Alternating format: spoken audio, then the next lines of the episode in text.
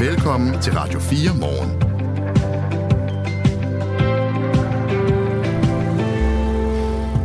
Det er øh, langt fra nok at sende 20 lastbiler med nødhjælp ind i Gaza om dagen. Det vurderer Folkekirkens Nødhjælp, efter at de øh, første konvojer med nødhjælp er kørt ind i Gaza fra Ægypten her i weekenden.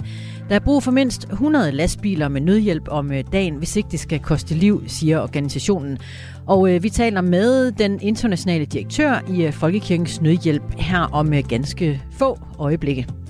Og her til morgen, der taler vi også om køn og sprog, og vi har blandt andet taget øh, temperaturen ude i kommunerne. Er der en sproglig revolution på vej i det kommunale?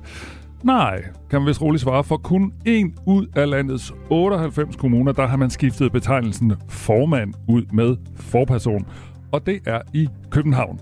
Klokken kvart i syv, der taler vi med en sprogforsker om, hvad det betyder, hvad det betyder og om det overhovedet betyder noget, om øh, noget hedder formand eller forperson. Vindstød af orkanstyrke og en vandstand på over 2 meter over normalen. Ja, det ramte jo øh, Danmark øh, store dele af landet hen over weekenden.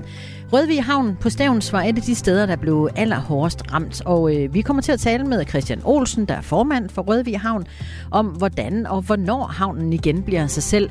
Der var øh, både huse, der flød rundt i øh, vandet, blandt andet. Der var også både, der rev sig løs. Så øh, vi skal lige ud og øh, kigge på det sammen med formanden for havnen, når klokken bliver cirka 20 minutter over 6. Og det er hverdag igen ovenpå en blæsende efterårsferie. Ja. Ja, vi holder hverdagen, gør vi ikke? Jo, det synes jeg da. Og vi hjælper dig godt ud i mandagen her den 23. oktober. I studiet i dag er det Christina Ankerhus og Michael Robach, der er din værter. Og vi håber også, at du er med os øh, på sms'en. Nummeret er som altid 1424. Øh, Godmorgen. Godmorgen. Det her er Radio 4 morgen. En øh, humanitær katastrofe er tæt på i Gaza, hvor mængden af nødhjælp ind i området langt fra er tilstrækkelig. Det øh, vurderer Folkekirkens Nødhjælp oven på en weekend, hvor israelerne tillod i alt 37 lastbiler med nødhjælp at køre ind i det krisehavede område ind fra øh, Ægypten. Men øh, FN vurderer, at der er behov for mindst 100 lastbiler med nødhjælp om dagen for at sikre tilstrækkelig med hjælp til de øh, cirka 2,3 millioner palæstinenser, der bor i området. Jonas Nødkær er international direktør i Folkekirkens Nødhjælp. Godmorgen. Godmorgen. To konvojer er det, vi taler om, med i alt 37 lastbiler med nødhjælp, der kom ind over grænsen til øh, Gaza i, øh, i weekenden. Hvorfor er det ikke nok? Jamen, det er ikke nok, fordi der jo sidder over en million mennesker, der er blevet fordrevet fra den øh, nordlige del af Gazastriben ned til den sydlige del, og væk fra deres hjem og ned til nogle steder, hvor de ikke har boet før. Og de steder er efterhånden fuldstændig tømt nu for fødevarer, for medicin, for vand, så derfor er der brug for, for masser af hjælp ind til, til det område. Hvad er det, der især mangler, som kan gøre det her øh, til en humanitær katastrofe? Der mangler især rent drikkevand. Altså vand er jo helt essentielt for alle mennesker, og det, som man kan drikke nu, det er forurenet vand, der bliver trukket op fra, fra undergrunden. Så derfor er det vigtigt, at der kommer noget benzin, noget brændsel ind, så man kan drive nogle generatorer, sådan, så man kan få afsaltet og rense det vand, der ellers er. Og ellers så skal man transportere tusindvis af flasker af vand ind. Og hvem er det, der, der lider af den mangel?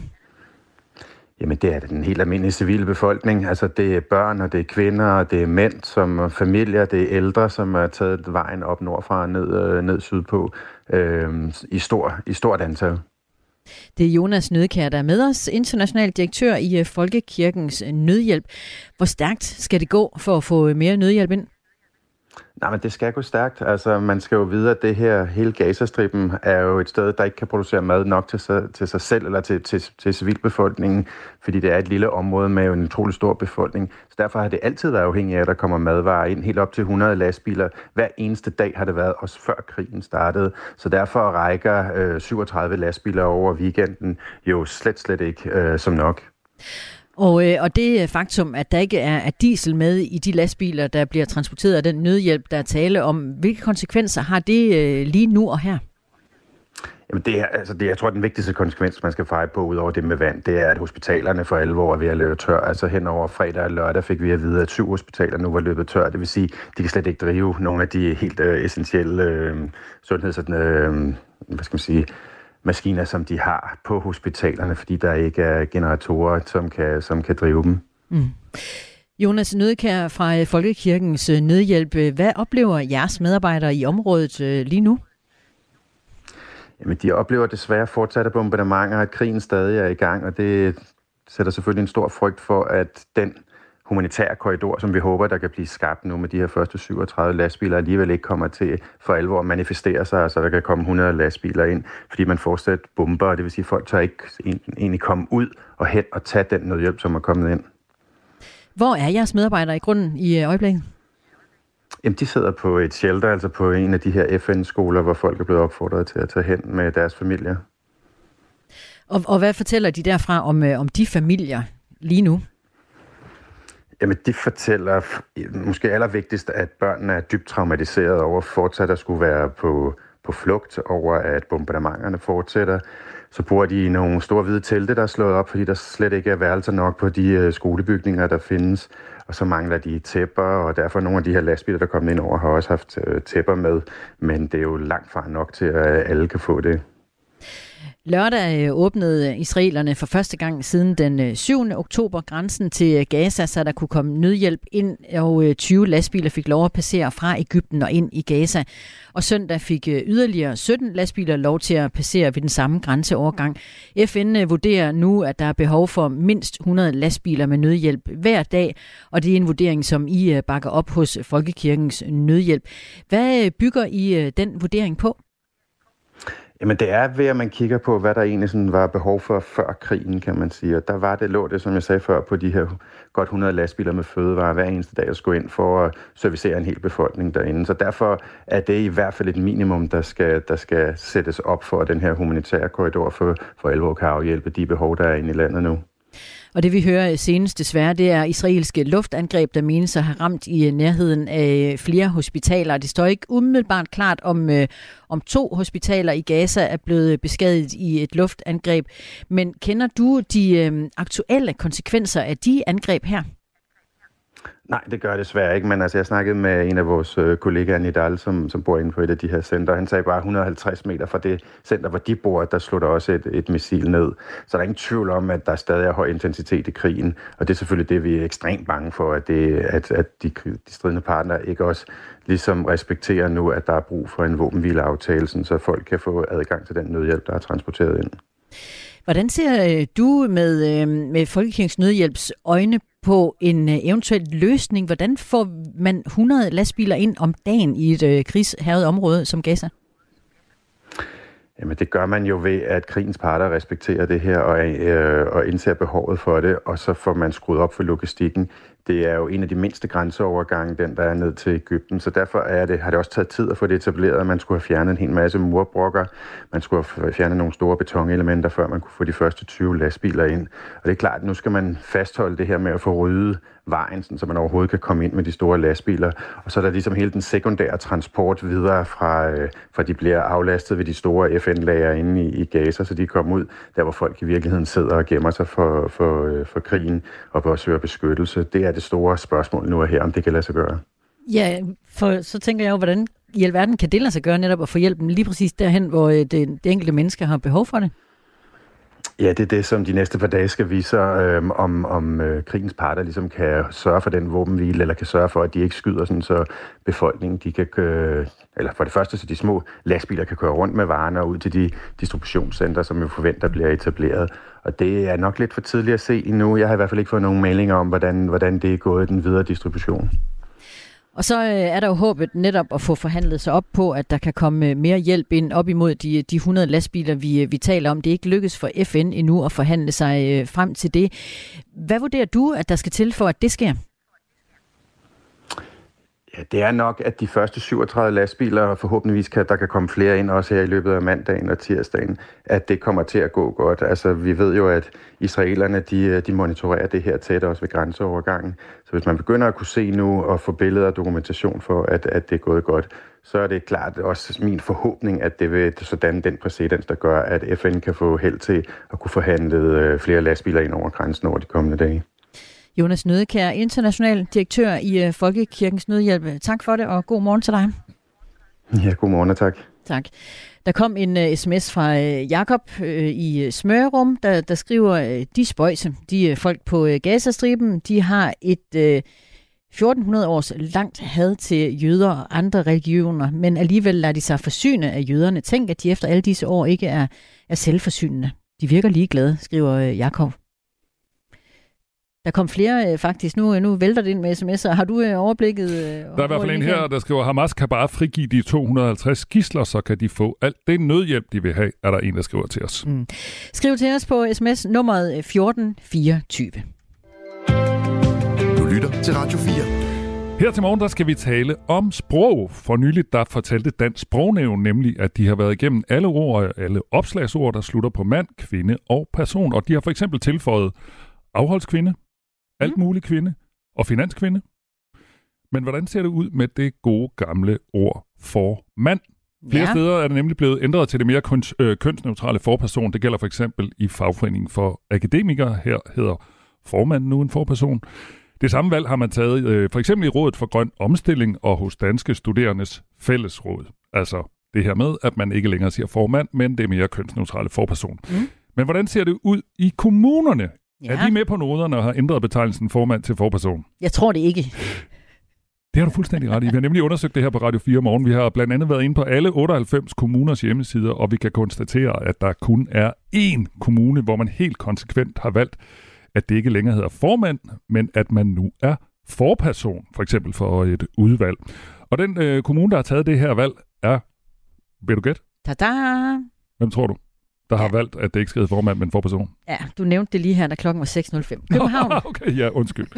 Det er Københavns Kommune. Og manden bag initiativet er Troels Christian Jacobsen. Han er valgt for Alternativet, og for et par år siden, der fik han altså stemt den her ændring igennem i borgerrepræsentationen i København.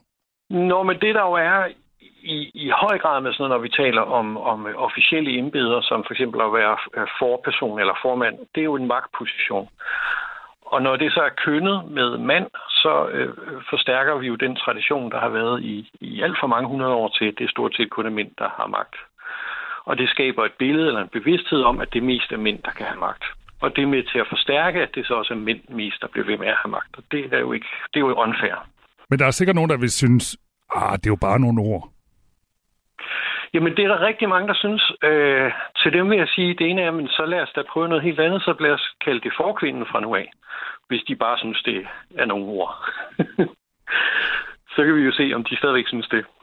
Sådan sagde altså Troels Christian Jacobsen øh, med et lille smil fra Alternativet i København, hvor det altså konsekvent nu hedder forperson, hvis man sidder for bordenden i et kommun, en af øh, kommunens øh, politiske udvalg. I Aarhus Kommune, der er der valgfrihed. Hvis man er i spidsen for et udvalg, så må man altså selv bestemme, om man vil kalde sig forkvinde, formand eller forperson. Men i landets øvrige kommuner, der hedder det altså stadig formand, også selvom formanden er en kvinde. I, par, i et par landets kommuner, kommuner har man faktisk haft det her til afstemning, hvorvidt man skulle bruge ordet forperson i stedet for øh, formand. Men både i Albertslund og i Hvidovre, der blev det nedstemt i byrådssalen. Tina Kataj Hansen sidder i byrådet i Hvidovre Kommune for de konservative, og hun stemte imod forslaget om, at man skulle gå over til betegnelsen forperson. Det handler for mig om en titel, en betegnelse. Jeg øh, har ikke noget mod at blive kaldt formand, selvom jeg er kvinde. For mig har det ikke noget med, med køn at gøre. Så er der den anden side af sagen. Den handler jo også om, hvad vores medarbejdere skal bruge deres tid på. Og øh, jeg tror alle talt, at vi kan bruge øh, mere tid på nogle borgernære services, end at vores medarbejdere skal sidde og spørge hver enkelt person, hvad man nu gerne vil kaldes i dag. Sådan sagde altså Tina Kataj Hansen, der er valgt for de konservative i Hvidovre Kommune. Hende kommer vi øh, til at høre mere til, øh, Christina, klokken kvart i otte, hvor hun debatterer med en SF'er også fra Hvidovre.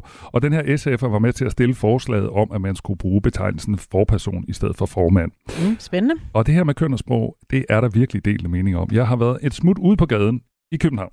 Mm, jeg synes, øh, nu har det heddet formand så mange år, så det synes jeg bare, vi kan blive ved med at, at kalde det. Jeg tror godt, folk kan kende forskel. Betyder det noget for dig, om noget hedder formand eller forperson? Jeg synes, det er den rigtige vej at gå at kalde det forperson frem for formand. Ja. Der er kun én kommune i landet, der har taget sådan helt konsekvent den øh, holdning, at de har lavet det om. Hvad synes du om det? Jeg ser gerne mere af det. Øhm, det skal komme i et naturligt tempo, så det er ikke noget, der skal komme fra oven, men jeg synes, det er glimrende, hvis man på kommunal plan tager den slags initiativer, så det glæder mig da til, at der kommer mere af. Er det bare et ord? Er det ikke lige meget? Nej, det sender et signal om rummelighed, så det passer mig godt, at det, vi bevæger os den vej. Betyder det noget for dig, om det hedder formand eller forperson? Nej, ikke sådan øh, personligt. Det gør det ikke. Du er en ung kvinde. Burde du ikke gå op i den slags?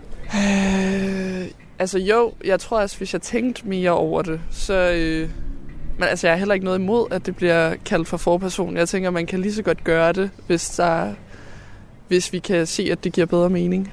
Ja, forperson, det, det lyder lidt mærkeligt i forhold til, hvad det altid har heddet, ikke? Men altså... Men er det ikke lidt gammeldags? Hvis det nu er en kvinde, er det så ikke meget godt, at øh, hun for eksempel kunne hedde en forperson? Ja, det er også en jordmor. Så man kan sige, det kan jo mænd også være. Så det, det er jo så også gammelt, at det skal en jordperson. Så det begynder at blive rigtig mærkeligt. Eller en fødeperson, ikke? Så det, der er jo bare nogle ting, der lyder bedre på den ene eller den anden måde. Så lød det altså på gaden i København, og jeg talte med Heidi Rasmussen, Lars Udholdt, øh, Mathilde og Kenneth Larsen. Jan fra Aalborg lytter med og øh, kommenterer faktisk også på øh, ordet jordmor og spørger, vil man så også arbejde for at ændre det? Og øh, hvad med voldtægtsmand og gerningsmand, spørger øh, Jan i øh, Aalborg.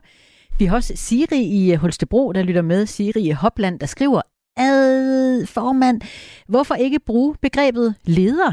Det bruges nu med stort held i Norge, skriver Siri, og det skriver hun faktisk sådan lidt på, på halv norsk, så jeg går ud fra, at hun har erfaringerne med derfra selv. Formand giver ingen mening, hvis man er en, for, hvis man er en kvinde, så selvfølgelig skal det hedde forperson, er der også en, der skriver på sms'en. Det var øh, sms'er, som er kommet, og øh, skulle vi ikke bare sige, at alle holdninger til den sag er så hjertelig velkommen her øh, mandag morgen. Skriv til os øh, på nummeret 1424. Er det en god idé at omdøbe navnet formand til øh, forperson? Ja, hvad synes du? Vi øh, taler i øvrigt med en sprogforsker, når øh, klokken bliver cirka kvart i syv. Det her er Radio 4 morgen. Så skal vi til stormfloden, der blev den værste i 119 år, og som medførte massive skader i store dele af landet. Blandt andet i Rødvig på Stævns på Sjælland. Her kan det sagtens tage et år, før den lokale havn kommer til at ligne sig selv igen. På Rødvig havn blev bådhuset skyllet væk, og de både, der lå i havnen, blev kastet rundt af bølgerne. Christian Olsen er formand for Rødvig Fiskerihavn. Godmorgen. Godmorgen. Det er to døgn siden, at øh, stormfloden ramte. Hvordan ser det ud på havnen her til morgen? Ja, når man kaster et blik ud over havnen her til morgen, så er det jo, det er jo roligt vand, vi kigger på. Vinden er vendt siden uh, i fredag og lørdag, så det er jo et helt andet billede, men uh, når så skuer sig ud over havnen, så er der jo lidt tomt i den ene afdeling af havnen. Jeg så, det er det, vi ser. Jeg så nogle tv-billeder øh, ned fra Rødvig Havn øh, i går. Der så det jo helt vildt ud, og, og både lå øh, på siderne og sådan noget. Altså, er der blevet ryddet noget op overhovedet over weekenden, eller ligner det stadigvæk et sted, hvor der har været krig, eller det, der er været?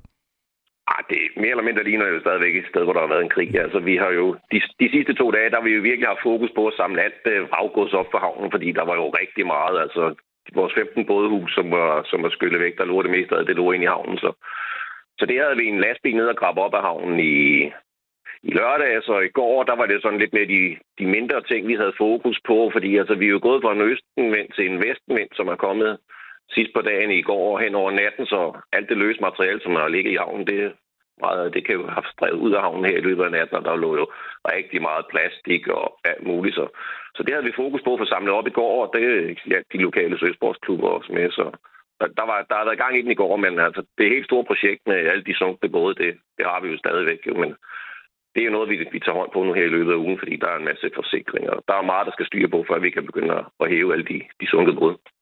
Har du et overblik over, hvor mange øh, både, der er endt på, på bunden? Nej, det har vi rent faktisk ikke. Vores, vores, vores bogholder, hun sidder jo og arbejder, hun har arbejdet i døgndrift nærmest siden i, i lørdags også. Altså, I det område, der er blevet totalt raseret, der havde vi 115 bådpladser.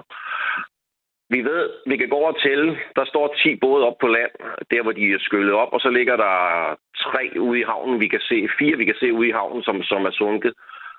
Vi, øh, en, en del af det område over, det blev afskåret for, for, for resten af havnen, fordi broen den, den knækkede, så den kunne man ikke komme ud til. Der var vi ude og hente både i går, der lå cirka 20, der kunne flyde endnu. Så det er 35 både, vi sådan cirka har styr på, hvor mange der ligger.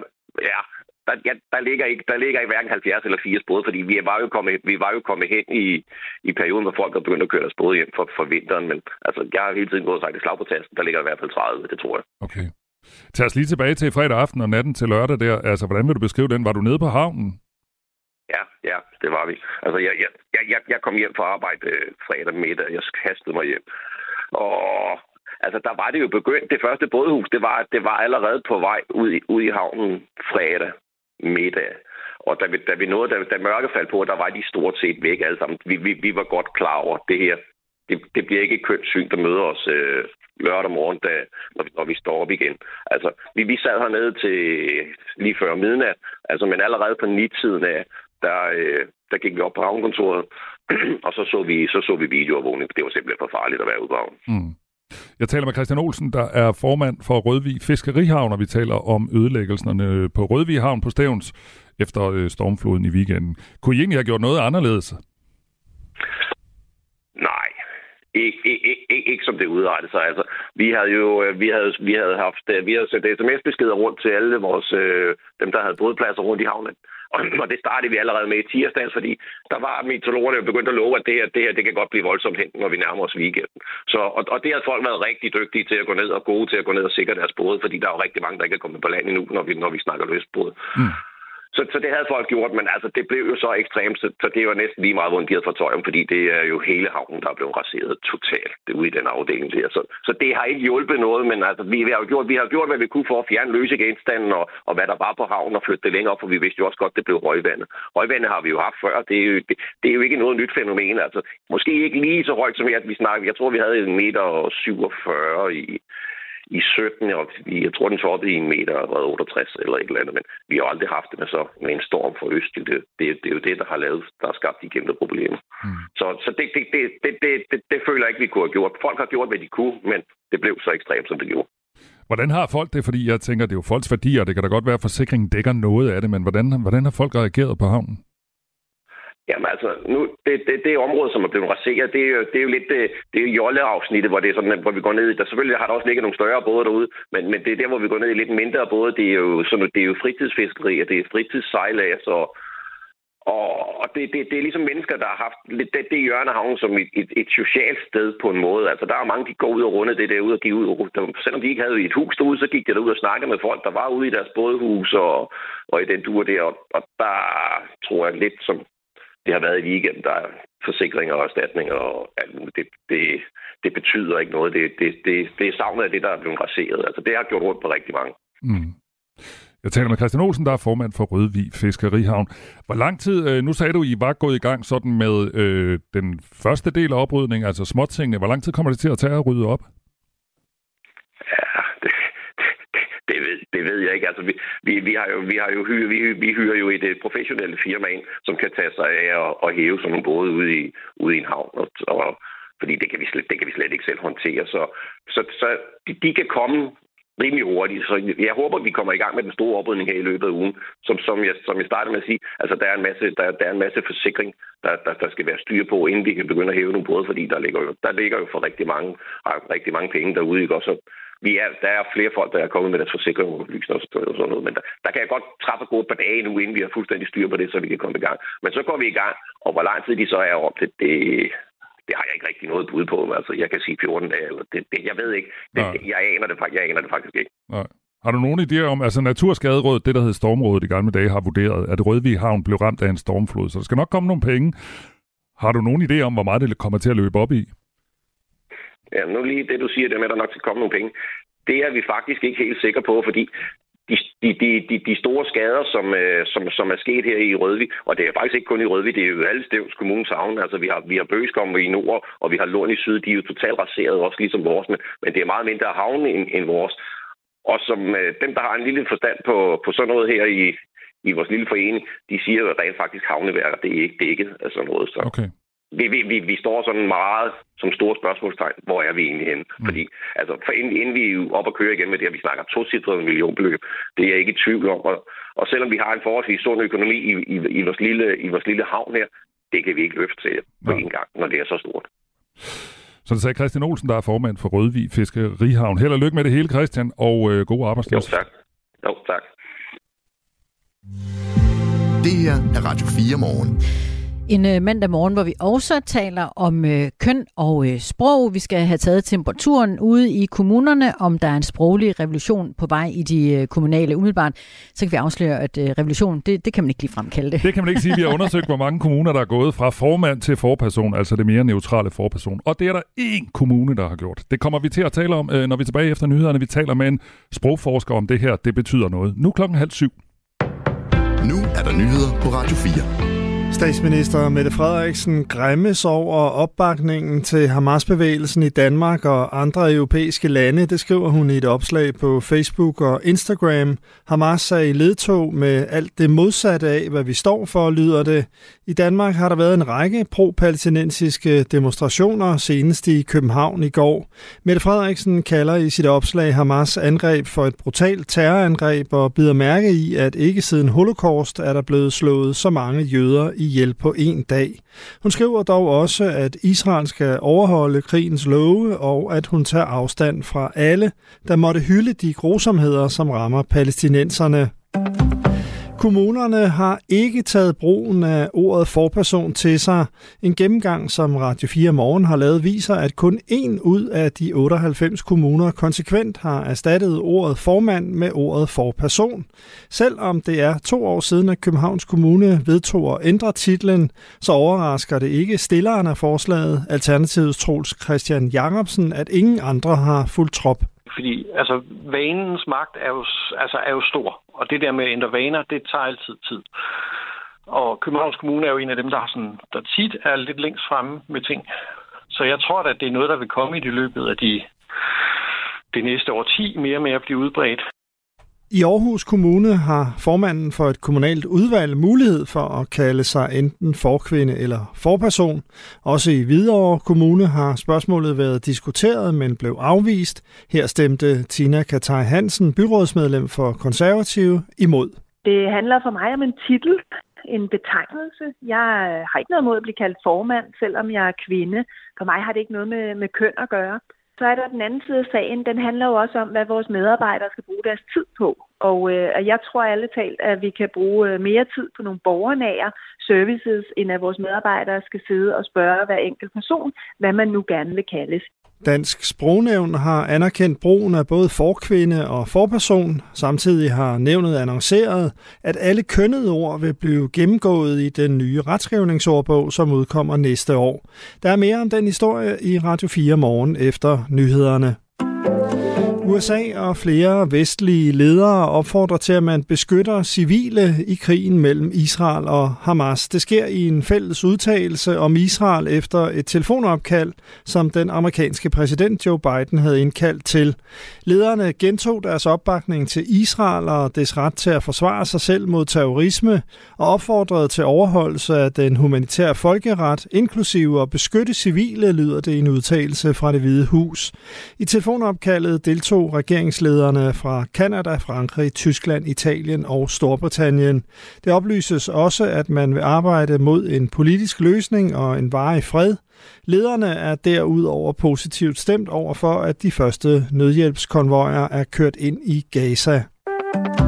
Den republikanske leder i senatet, Mitch McConnell, bakker op om den demokratiske præsident Joe Bidens forslag til en hjælpepakke på 106 milliarder dollar henvendt til især Ukraine og Israel.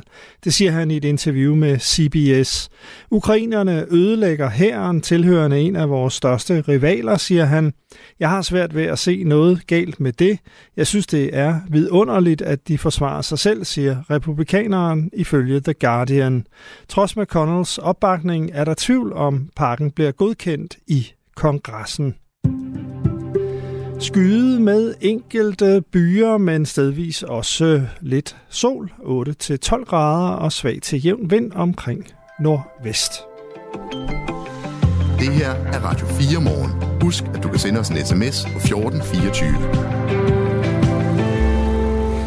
Jeg synes, forperson er upersonligt, så bare kald alle kvinder for forkvinde og mænd for formænd. De har garanteret knoklet for, tit- for titlen, det skriver Ea Nielsen fra Gentofte til os. Og Christina, det er jo fordi, vi her til morgen sætter fokus på køn og sprog. Vi har lavet sådan en lille undersøgelse for at se, ude i kommunerne, om øh, dem, der sidder for bordenden i de politiske udvalg, om de hedder formænd eller forperson. Og der er altså kun én kommune, Københavns Kommune, hvor man helt konsekvent har lavet om fra formand til forperson. I Aarhus er det så sådan, at man selv må vælge, hvis man er formand for noget, om man vil hedde formand, forkvinde eller forperson. Men det er en øh, sag, vi sætter fokus på. Der, der er kommet en del sms'er på den historie allerede. Der er en, der, der spørger, hvis du var mand, vil du så gerne hedde en forkvinde? Og nu kan jeg jo spørge dig. Du er mand, Michael Robak. Hvis du øh, sad øh, for bordenden af et udvalg, Ja. gad du så hedde forkvinde? Nej, helst ikke. Fordi jeg synes, det lyder mærkeligt. Ja. Og det er jo selvfølgelig, øh, den her sms er selvfølgelig jo en øh, kommentar til, at hvis man er kvinde, så kan man selvfølgelig også synes, det er mærkeligt at hedde formand. Hvis man er kvinde. Men som vi hørte det tidligere her til morgen, ja, så er øh, formand jo mere blevet en, øh, en titel, mere end at man kønner det. Mm. Det var i hvert fald øh, argumentet, som vi, vi hørte lidt øh, tidligere, og det var fra øh, Tina Katari Hansen, der sidder i byrådet i øh, Hvidovre Kommune. Men interessant nok, som der bliver spurgt, altså hvis du var mand, gad du så hedde forkvinde, eller skal vi kalde det forperson? Mm. SMS'en er åben. Nummeret er 1424. Så lad os da bare høre endelig, hvad, øh, hvad du øh, tænker om øh, den sag. Kunne du tænke dig at hedde forkvinde, formand eller forperson? Hvor, hvor skulle vi gerne lande? Og klokken kvart i syv, altså om cirka 10 minutter, så taler vi med en fro- sprogforsker om, øh, om det overhovedet betyder noget, om man hedder formand eller forperson. Lige nu, der er klokken 6.35. Det her er Radio 4 morgen. Hvor vi øh, kigger mod øh, Mellemøsten. Amerikanerne er ved at øh, øge deres militære tilstedeværelse i området. USA sender nemlig luftværnssystemet TART afsted til Israel, og derudover har forsvarsminister Lloyd Austin bedt et ukendt antal soldater om at holde sig klar til at blive sat ind i den konfliktramte region. Mads Dahlgaard Madsen, USA-analytiker. Velkommen til. Hvad er det, USA vil opnå ved at øge tilstedeværelsen her i det konfliktramte område? Det her det er et rigtig, rigtig godt eksempel på den balancegang, som USA skal gå, og i særdeleshed Joe Biden skal gå på sådan den diplomatiske front. Det er et virkelig godt eksempel på det, som tidligere præsident Roosevelt kaldte speak softly but carry a big stick. Altså virkelig have en forsonende tone på, men samtidig vise, at man har et ekstremt stort militær, så man afskrækker andre folk i regionen til ligesom at indgå i den her konflikt. Mads Dalgaard Madsen, USA-analytiker på en lidt ulden telefonforbindelse. Har du nogen muligheder for at stille dig et sted, hvor du ved, at forbindelsen er bedre, så øh, kunne det være øh, herligt. Vi, vi taler med dig, fordi USA sender luftværnssystemet TART afsted. Det er sådan et øh, luftværnssystem, der er designet til at skyde missiler ned i forvejen. Der har øh, USA altså også verdens største hangarskib liggende i farvandet ud for Israel. Det er med en besætning på omkring 4.500 mænd. Hvad er øh, USA's største frygt i området, siden de øh, stiller øh, så stort op? Joe Biden og, øh, og administrationen er simpelthen så bange for, at øh, den her konflikt den udvider sig til at være en regional konflikt. Fordi at, det har USA jo haft dårlige erfaringer med de sidste 20 år med at sådan, sådan blive fanget i Mellemøsten og bare bruge en masse ressourcer og energi i Mellemøsten. Og det er simpelthen deres frygt nummer et. Så det er derfor, de både prøver at komme med den her forsonende zone, hvor de bakker op om Israel, men samtidig sørger for, at der kommer nødhjælp ind til Gazastriben, men altså også afskrækker aktører som, som Hezbollah og Iran til ligesom at og, altså afskrække dem ved at parkere de her kæmpe store hangarskibe og sætte deres uh, tropper på alarmberedskab. Simpelthen for at vise, at, at det her det skal være en, en, en konflikt, der kun er mellem Israel og Palæstina, øh, Israel og, og, øh, og Hamas, og ikke en regional konflikt, fordi det vil være et skrækscenarie for amerikanerne. Er det noget, de har øh, at have det i øh, Hezbollah og, øh, og Iran? Står de øh, klar til at rykke ind? De begynder nemlig allerede nu at lave forskellige udtalelser, hvor de siger, at, øh, at hvis den her konflikt i Gazastriden den fortsætter, jamen, så har de ikke noget andet valg end at gribe ind. Og det har vi så dels set sådan nogle signaler fra, fra Hezbollah i nord. Men Iran er altså også begyndt at lave træk, og Iran har altså også forbindelser til både Hamas og Hezbollah. Og det er det altså amerikanerne simpelthen siger, og det hørte jo også præsidenten sige under hans besøg på Israel meget klart. Hvis de får nogle gode idéer, don't, siger han bare. Altså lad være med at gøre det. Og det bakker han simpelthen op med alt det her militære materiel, for simpelthen at sende signal om, at det er værre for jer, hvis de, får, hvis de laver nogle træk her.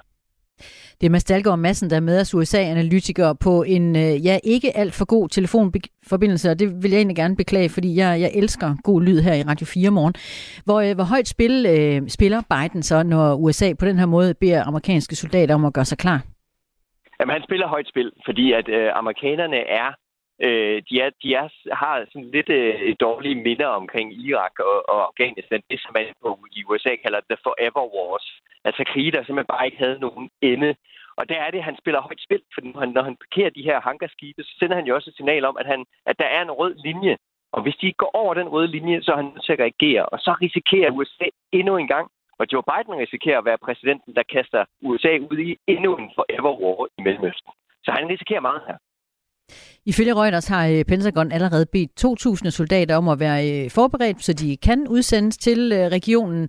Og USA har som nævnt allerede verdens største hangarskib i området. Der er omkring 4.500 mænd ombord på det. Og så beder forsvarsminister Lloyd Austin nu yderligere et ukendt antal soldater om at gøre sig klar. Og det er altså oveni, at USA samtidig sender et avanceret luftværnssystem TART afsted til, til området. Hvor øh, forventes det, at det bliver sat op?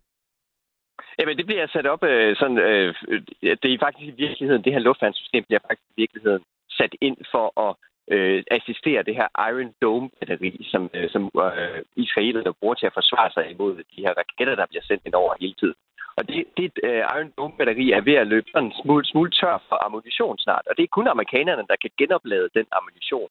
Og det øh, har de lidt bøvl med, fordi der er indrigspolitiske knaster i kongressen, hvor, øh, hvor det er det eneste sted, man kan få allokeret penge til det, til at få genopladet Iron Dome-batteriet. Så nu er man nødt til at sende et andet missilforsvarssystem til øh, Israel, simpelthen for at sørge for, at Israel fortsat kan forsvare sig imod missilerne. Det, som øh, USA frygter, øh, fortæller du, Mads Dalgaard Madsen, er, at øh, Hezbollah og Iran kunne blande sig i konflikten mellem Israel og Hamas. Og, øh, og det vi taler om Hezbollah, det er jo en øh, libanesisk, øh, shia-islamisk orienteret politisk militær organisation, der også allerede har øh, rastlet lidt med, med geværene og øh, truet med at gribe ind.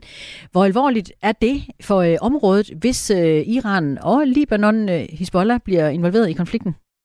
Ja, men så, hvis man spørger amerikanerne, så er der næsten ikke nogen ende på det. Altså, så, så er det virkelig en regional konflikt, hvor det er ret svært at se, hvad pokker, der lige skal løse det her, øh, hvad, hvad der skal løse det. Så det er virkelig meget et scenarie.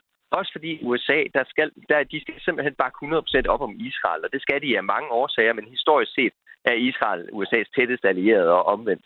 Så USA vil være nødsaget til at bakke last og bast op omkring Israel, jo, som var fuldstændig omringet af de her lande. Og det vil, det vil simpelthen have uoverskuelige konsekvenser, hvis vi har sådan en regional konflikt. Både politisk, både ressourcemæssigt, men selvfølgelig også menneskelivsmæssigt.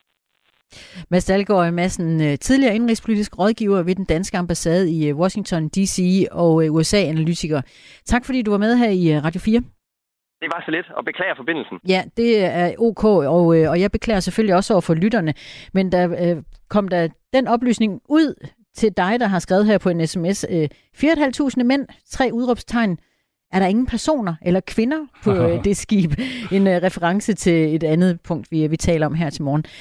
Men øh, naturligvis Israel, vi øh, følger øh, situationen øh, tæt og, øh, og hører også, at der senest har været et luftangreb, der angiveligt har ramt øh, områder i nærheden af tre hospitaler i øh, Gaza-striben. Det øh, rapporterer palæstinensiske medier ifølge Reuters, og øh, præcis hvor store skaderne er omkring de hospitaler, ja, det forlyder der ikke noget om endnu. Det her er Radio 4 morgen. Nu skal det handle om sproget, fordi for nylig der fortalte Dansk Sprognævn, at de har været igennem alle opslagsord, der slutter på mand, kvinde og person. Og for eksempel har de tilføjet afholdskvinde, alt muligt kvinde og finanskvinde. Der er nemlig opbrud i sproget, når det handler om de såkaldt kønnede ord. Flere fagforeninger, KFM-spejderne og Råd for Grøn øh, Omstilling bruger for eksempel betegnelsen forperson i stedet for formand. Men øh, revolutionen er ikke kommet til de danske kommuner, altså den her sproglige kønsrevolution. For i landets kommuner, der bruger man stadig ordet formand, også selvom det for eksempel er en kvinde, der sidder for bordenden i økonomiudvalget eller andre udvalg. Her på Radio 4, der har vi undersøgt, hvor mange af landets 98 kommuner, der har skiftet fra betegnelsen formand til forperson, og kun én kommune har helt konsekvent skiftet over til det kønsneutrale ord forperson, nemlig Københavns Kommune. Initiativtageren til, til det her, det var Alternativets københavnske pol- lokalpolitiker. Han hedder Troels Christian Jacobsen, og forslaget blev stemt igennem for et par år siden. Nå, men det der jo er i, i høj grad med sådan, når vi taler om, om officielle embeder, som for eksempel at være øh, forperson eller formand, det er jo en magtposition. Og når det så er kønnet med mand, så øh, forstærker vi jo den tradition, der har været i, i alt for mange hundrede år til, det er stort set kun mænd, der har magt og det skaber et billede eller en bevidsthed om, at det mest er mænd, der kan have magt. Sådan sagde altså Troels Christian Jakobsen, der sidder i borgerrepræsentationen i København, valgt for Alternativ, og altså var manden bag at få lavet det her om, så det nu i Københavns Kommune hedder forperson i stedet for formand. Nu skal vi blive lidt klogere på det her i selskab med sprogforsker fra Københavns Universitet, Marie Magård. Godmorgen. Godmorgen. Allerførst, øh, Marie, er du overrasket over, at der kun er én kommune, der har valgt at gå over til forperson i stedet for formand? Nej, jeg er egentlig ikke specielt overrasket over det, fordi den slags udviklinger tager jo lang tid. Øh, så, så det er ikke så overraskende. Men jeg troede egentlig, der var sådan en mindre revolution på vej her i øh, programmet. Der oplever vi sådan oftere og oftere, at nogen vil kaldes forperson. Går det langsomt med den slags? Ja, den slags ting tager som regel øh, lang tid. Men, øh, men, og man kan sige, at det, som øh, I har set på, er jo sådan en, øh, en overordnet, altså simpelthen en, en beslutning fra kommunens side, og ikke om en enkelt person gerne vil kaldes for et eller andet. Så det er jo en lidt større ting, der skal til for øh, at tage den slags beslutninger. Mm politikeren fra Alternativet i København, øh, ham her, Troels Christian Jacobsen, som vi lige hørte øh, for et øjeblik siden, han sagde noget i stil med, at, at, sådan, at ord skaber en eller anden slags virkelighed. Altså det her med, hvis kvinder skal kunne se sig selv i magtfulde positioner, så er det måske også meget smart, at det ikke hedder formand, men noget, der er mindre kønnet. Hvad tænker du om det? Ja, ja men det er jo også rigtigt nok, at, øh, at gennem sproget, der, øh, der former vi jo også virkeligheden. Man kan sige, øh, vi, den måde, som, øh, som øh, vi opfatter verden på, det er jo også i kraft af sproget. og der kan man sige, at hvis ikke man har øh, ord, som øh, tydeligt viser, at, øh, at man faktisk øh, for eksempel kan have magt, når man er kvinde, så kan det jo være med til at forstærke nogle stereotyper øh, omkring, øh, hvem der kan det i forvejen. Det har jeg jo sådan set ret i. Man kan sige, at der skal måske mere til, end at man ændrer på de ord, der, der slutter på mand. Der er også, vi har jo en masse stereotype forestillinger også omkring øh, ord som læge og præst osv., hvor vi jo sådan set har en masse kvinder, som er både læger og præster, men vores stereotype forestillinger om, hvem der kan være det, er stadig sådan, at vi som regel i Danmark vil de fleste øh, få et billede af en, af en øh, mandlig person i hovedet, når de hører et ord som læge eller præst. Så på den måde er der jo er, er der nok mere end bare de ord, der ender på mand, der skal til for at ændre på det her. Men lad os lige gribe fat i det, Marie. Altså, kan man ændre på det, fordi læge og præst er jo ikke kønnede titler, for eksempel? Nej, lige præcis. Så der er der noget andet, der skal, der skal til. Der skal man jo på en eller anden måde få nogle... Øh, nogle, øh, nogle input eller noget, der gør, at, at, man, at man automatisk vil tænke mere, at det sådan set godt kan være en kvinde, der er en præst eller en læge. Så det, så man, men man kan sige, at det åbenbart er noget, der tager længere tid, fordi i, i Danmark, som sagt, der er det jo sådan, at der er masser af kvindelige læger og præster. Øh, og der er vel efterhånden flertal af kvindelige præster, tror jeg. Det tror jeg også. Øh, og alligevel, ja, ja, det er det, ikke? Og alligevel, så, så har vi en forestilling om, at når vi hører ordet præst, så er det en mand. Så, så det tager lang tid at ændre på de her ting. Mm. Øh, det gør det simpelthen. Vi har som sagt undersøgt, hvor mange kommuner, der bruger ordet forperson i stedet for formand. Vi har blandt andet været inde på alle kommunernes hjemmesider for at se, hvilket ord, der bruges om den, der sidder for bordenden i økonomiudvalget. Og det er altså kun i Københavns Kommune, man helt konsekvent har ændret det. I Aarhus må formanden for de politiske udvalg selv bestemme, om det vil kaldes formand, forkvinde eller forperson. Og lige nu der taler jeg med Marie Magård, der er sprogforsker på Københavns Universitet. Der er altså nogle ændringer i landets to største byer. Er det tilfældigt, at det er i de store byer, man måske sådan løber forrest med den her fakkel? Man kan i hvert fald sige, at øh, sprogforskning, eller hvad hedder det, sprogforandring øh, normalt kommer fra de større byer. Øh, men, den, men det er sådan mere en form for sprogforandring, som øh, den, som øh, vi plejer at se på inden for mit felt, er mere, hvad skal man sige, en ubevidst eller en, øh, når man ændrer på, øh, hvordan man taler om forskellige ting, og hvad for nogle ord man bruger, men det er ikke sådan den der politiske beslutning, sådan, hvor det her det er jo en, en eksplicit beslutning om, at man vil begynde at sige noget andet. Men der kan man sige måske, at øh, når det er sådan en politisk beslutning, der er lige præcis sådan noget som kunst, kønsneutral øh, sprogbrug, er jo sådan noget, som man primært har været interesseret i at, øh, at tage sig af på, på venstrefløjen. Så man kan sige, de kommuner, man kunne forestille sig, hvor sådan noget her vil, vil først øh, tage fart, det vil måske være i, øh, i mere røde kommuner. Mm. Så, så det vil man i hvert fald sige, man skulle forestille sig. Er du så, øh, nu, mm. jeg tror, jeg kender svaret, er du overrasket over, at det er en lokal politiker fra Alternativet, der er kommet med forslaget i København? Nej, det er ikke overraskende. Det er jo den, netop den, en af de diskussioner, som Alternativet prøver at tage. Mm. Ja. Forleden der var jeg på gaden i København for at tage temperaturen på den her debat. Øh, debat. Prøv lige at lytte med her. Går du op i, om det hedder formand eller forperson? Egentlig ikke. Men jeg respekterer det altså helt sikkert, det gør jeg. Jeg synes bare, det er... Ja, for mig er det lidt fjollet. Betyder det noget for dig, om øh, det hedder formand eller forperson? Øh, ja, det synes jeg, det gør. Fordi det definerer jo nogle andre ting, end hvis man var en mand eller en kvinde. Altså her, der er det ligesom ligegyldigt, hvad man er. Er det vigtigt for dig, om noget hedder formand eller forperson? Nej, ikke sådan synderligt. Jeg, det, det andet har jo altid heddet formand. Øh, jeg ser egentlig ikke, øh, om det er en kvinde eller en mand. Det er egentlig en betegnelse, hvor at ja, forperson, det, det lyder lidt mærkeligt. Der er kun én kommune, der har lavet det helt om. Det er Københavns Kommune. Hvad tænker du om det? Det er ærgerligt, at det kun er én. Ja. Jeg kan godt forstå, at Københavns Kommune det virker som nogen, sådan et, øh, nogen der er lidt mere på altså forkant, kan man sige. Ikke? Men øh, jeg håber, at der er andre, der tager inspiration til sig. Er det ikke bare et ord? Er det ikke lige meget? Det er der jo nogen, der vil mene. Det er der helt sikkert. øhm, for nogle er det bare et ord, og det, det er jo også klart, fordi det er det, man er vokset op med. Dem I hørte her, de hedder, øh, det var Annie Santana, Janette Jørgensen, Kenneth Larsen og Clara Flamenk. Og lige nu der taler jeg med Marie Magård, der er sprogforsker på Københavns Universitet. Der var et par stykker, der synes det var noget pjat, og der er sikkert også nogen, der kan se på vores sms, der synes det er noget woke fis. Man har på fornemmelsen, at det her med sproget øh, køn virkelig er noget, der nogle gange i hvert fald kan bringe sindene i kog. Hvorfor er det sådan? Jamen altså, man kan sige, at sprogforandring er altid noget, som øh, folk diskuterer, og der vil altid være diskussioner af, om det virkelig kan passe, at sproget skal ændre sig, eller om det ikke skal ændre sig osv. Det er altid noget, som folk går op i, fordi det her med at ændre på den måde, man ellers normalt selv har talt på, øh, og folk, andre folk pludselig begynder at tale anderledes, det, øh, det er ligesom øh, et, et, noget, man opfatter som et problem. Det gør de fleste mennesker. Så det er altid sådan en diskussion, man har. De ældre synes altid, at, øh, at de unge sprog, som er lidt anderledes, det øh, er forkert eller mm. dårligt på en eller anden måde.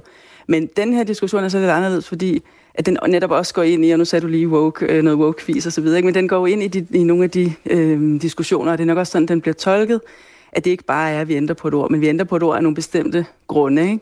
Og de grunde, de handler om øh, at være mere inkluderende og prøve at være mere kønsneutral, og det er jo nogle, man kan sige, nogle mere politiske måske øh, synspunkter. Øh, og, på, og på den måde, så, øh, så bare det at ændre på et ord, som man så siger, formand eller forperson, det vil så øh, starte en, en tanke om, at det her det handler i virkeligheden om noget meget større. Det handler om hele de her øh, woke-diskussioner, og hvorfor skal tingene overhovedet ændre sig på den her måde mm. lige nu, og det er noget pjat og så videre. Ikke? Så, øhm, så, det, så på den måde kan man kan sige, at sprogforandring og diskussioner om sprogforandring, de, her, de vil altid være lidt ophidset, men den her er måske endnu mere, fordi den bliver set som noget øh, politisk. Jeg kan da også lige sige, at den seneste sms, vi har fået, den øh, lyder sådan her. København er åbenbart dummere end andre. Så det, det siger jo meget godt, hvor folk er henne. Ja. Øh, det er helt ja. tydeligt, at der er en bevægelse i det her med det såkaldt kønnede sprog. Flere fagforeninger, KFUM-spejderne også, og Råd for Grøn Omstilling bruger for eksempel betegnelsen forperson i stedet for formand. Og så er der faktisk nogle ret sjove eksempler, hvor man måske kan se et mønster. I fagforeningen Danmarks Lærerforening, der bruger man ordet formand, men i de lærerstuderendes landskreds, der hedder det forperson. Og i Djøf, altså også fagforeningen, der hedder det formand selvom det er en kvinde, der sidder på posten i øh, fagforeningen. Og i det, der hedder Djøf Studerende, der hedder det forperson. Og her er det en mand, der sidder på posten. Marie, du var med i går, du var lige inde på det. Er det her også et generationsspørgsmål? Ja, det er det jo. Og det er jo altid øh, med de unge, at vi ser sprogforandringerne først slå igennem. Øh, og det er det jo nok også med den her øh, form for, for forandring. Så det vil være helt oplagt, at det er de unge, der, der starter med at, at, at starte den her, den her omstilling, eller den her forandring. Mm. Ja. Lad os lige vende tilbage til ham her, Troels Christian Jacobsen, der er valgt for Alternativet, og altså var initiativtager til at ændre betegnelsen formand til forperson i Københavns Kommune. Jeg spurgte ham, om øh, han var overrasket over, at der kun er én kommune, der har taget det her valg. Altså, det overrasker mig ikke. Altså, på en måde overrasker det mig ikke, fordi altså, vanens magt er jo, altså, er jo stor. Og det der med at ændre vaner, det tager altid tid. Og Københavns Kommune er jo en af dem, der, har sådan, der tit er lidt længst fremme med ting. Så jeg tror at det er noget, der vil komme i det løbet af de det næste årti mere og mere blive udbredt. Sådan sagde altså Troels Christian Jacobsen, der sidder i borgerrepræsentationen i København for Alternativet. Og lige nu der taler jeg med Marie Magård, der er sprogforsker. Tror du, han er ret? Øh, om et, om et årti, så er det mere udbredt, og formand er på vej ud, og forperson er på vej ind. Vi ser, at, øh, at vi forsøger at være mere opmærksom på det her mere kønsneutrale sprogbrug. Øh, så det, det tror jeg er helt sikkert. Og som du selv sagde, ordbøgerne er jo også i gang med at prøve at, øh, at revidere både deres ord, hvad for nogle ord de har i ordbøgerne, men også hvordan de, øh, hvad for nogle eksempler de bruger på, øh, på de forskellige ord. Så for eksempel, hvis man har eksempler på formand, hvis man så kun har mandlige eksempler på formand, så, øh, så er det klart, at så er man med til at forstærke den stereotyp, der hedder, at det kun kan være en, en mand, der kan være det. Ikke? Så, øh, så på den måde, det, det tror jeg, at han har ret i. Der er et større arbejde i gang, som, øh, som helt klart peger i den retning. Og jeg var lige inde på faktisk på den danske ordbog og se, hvor mange ord, der ender på, øhm, på mand i dag, og hvor mange, der ender på kvinde. Og der har vi jo faktisk øh, 350 ord, der ender på mand, og kun 44, der ender på kvinde. Okay. Så jordbørn er der jo stadig lang vej, kan man sige, fra, at, øh, at det kommer til at afspejle en mere neutral sprogbog. Sådan sagde altså Marie Magård, der er sprogforsker på Københavns Universitet. Tak fordi du var med her. Selv tak. Og i enkelte kommuner, der har man faktisk haft den her sag til afstemning, blandt andet i Hvidovre Kommune. Der blev det så stemt ned, men vi tager altså en debat mellem øh, hende, der foreslog det, og øh, en, der synes, det var en rigtig dårlig idé. Det gør vi cirka klokken kvart i 8. Lige nu der er klokken 5 minutter i 7. Du lytter til Radio 4. Måske fordi du er en af dem, der rent faktisk har lyst til at høre noget nyt. Radio 4. Ikke så forudsigeligt. En af fodboldens store ikoner afgik i øh, weekenden ved døden. Sir Bobby Charlton døde i lørdags. Han blev 86 år. Sir Bobby Charlton øh, spillede det meste af sin karriere for Manchester United, hvor han øh, nåede 758 kampe for storklubben med 249 mål til følge. Han var øh, en del af det øh, England-hold, der vandt det eneste VM i 1966. Now it's Charlton, Bobby Charlton, hand on the right. Maybe a shot from Charlton. It's worth trying. Et øh, legendarisk mål her, han scorede i øh, 1966 mod øh, Mexico. Øh, han, øh, han løb nemlig hele vejen op 27 meter med, øh, med bolden og scorede. Efter Sir Bobby Charlton sluttede sin aktive karriere, var han stadig at finde i klubben. Han blev direktør i Manchester United. Danske Anders Lindegård, som var øh, fra øh, 2010 til 15 Manchester United-spiller, husker Bobby Charlton som en ikonisk figur i England. Han var sådan en, der, øh, der var meget omkring holdet Altså efter kampe, øh, til arrangementer, til, i alle mulige hensener, så var han der, der flød han ligesom rundt. Øh, og jeg kan huske, at da jeg fandt ud af, hvem han var, så kan jeg huske, at, øh, at jeg lagde specifikt mærke til, hvor stor respekt der var omkring ham fra mine holdkammerater. Og, øh, og det, det, det, det var der ikke nødvendigvis for de andre direktører overhovedet, og for ejerne på samme måde. Så, så kunne man godt komme med nogle bemærkninger bagefter, når de ligesom var gået deres vej. Men der var kolo enorm respekt for ham, og også, øh, også sådan øh, gensidig øh, kommunikation. Altså folk lavede lidt sjov med ham, og folk, øh, husk Patrice Bra, han lavede altid sjov med ham, på en kærlig måde selvfølgelig.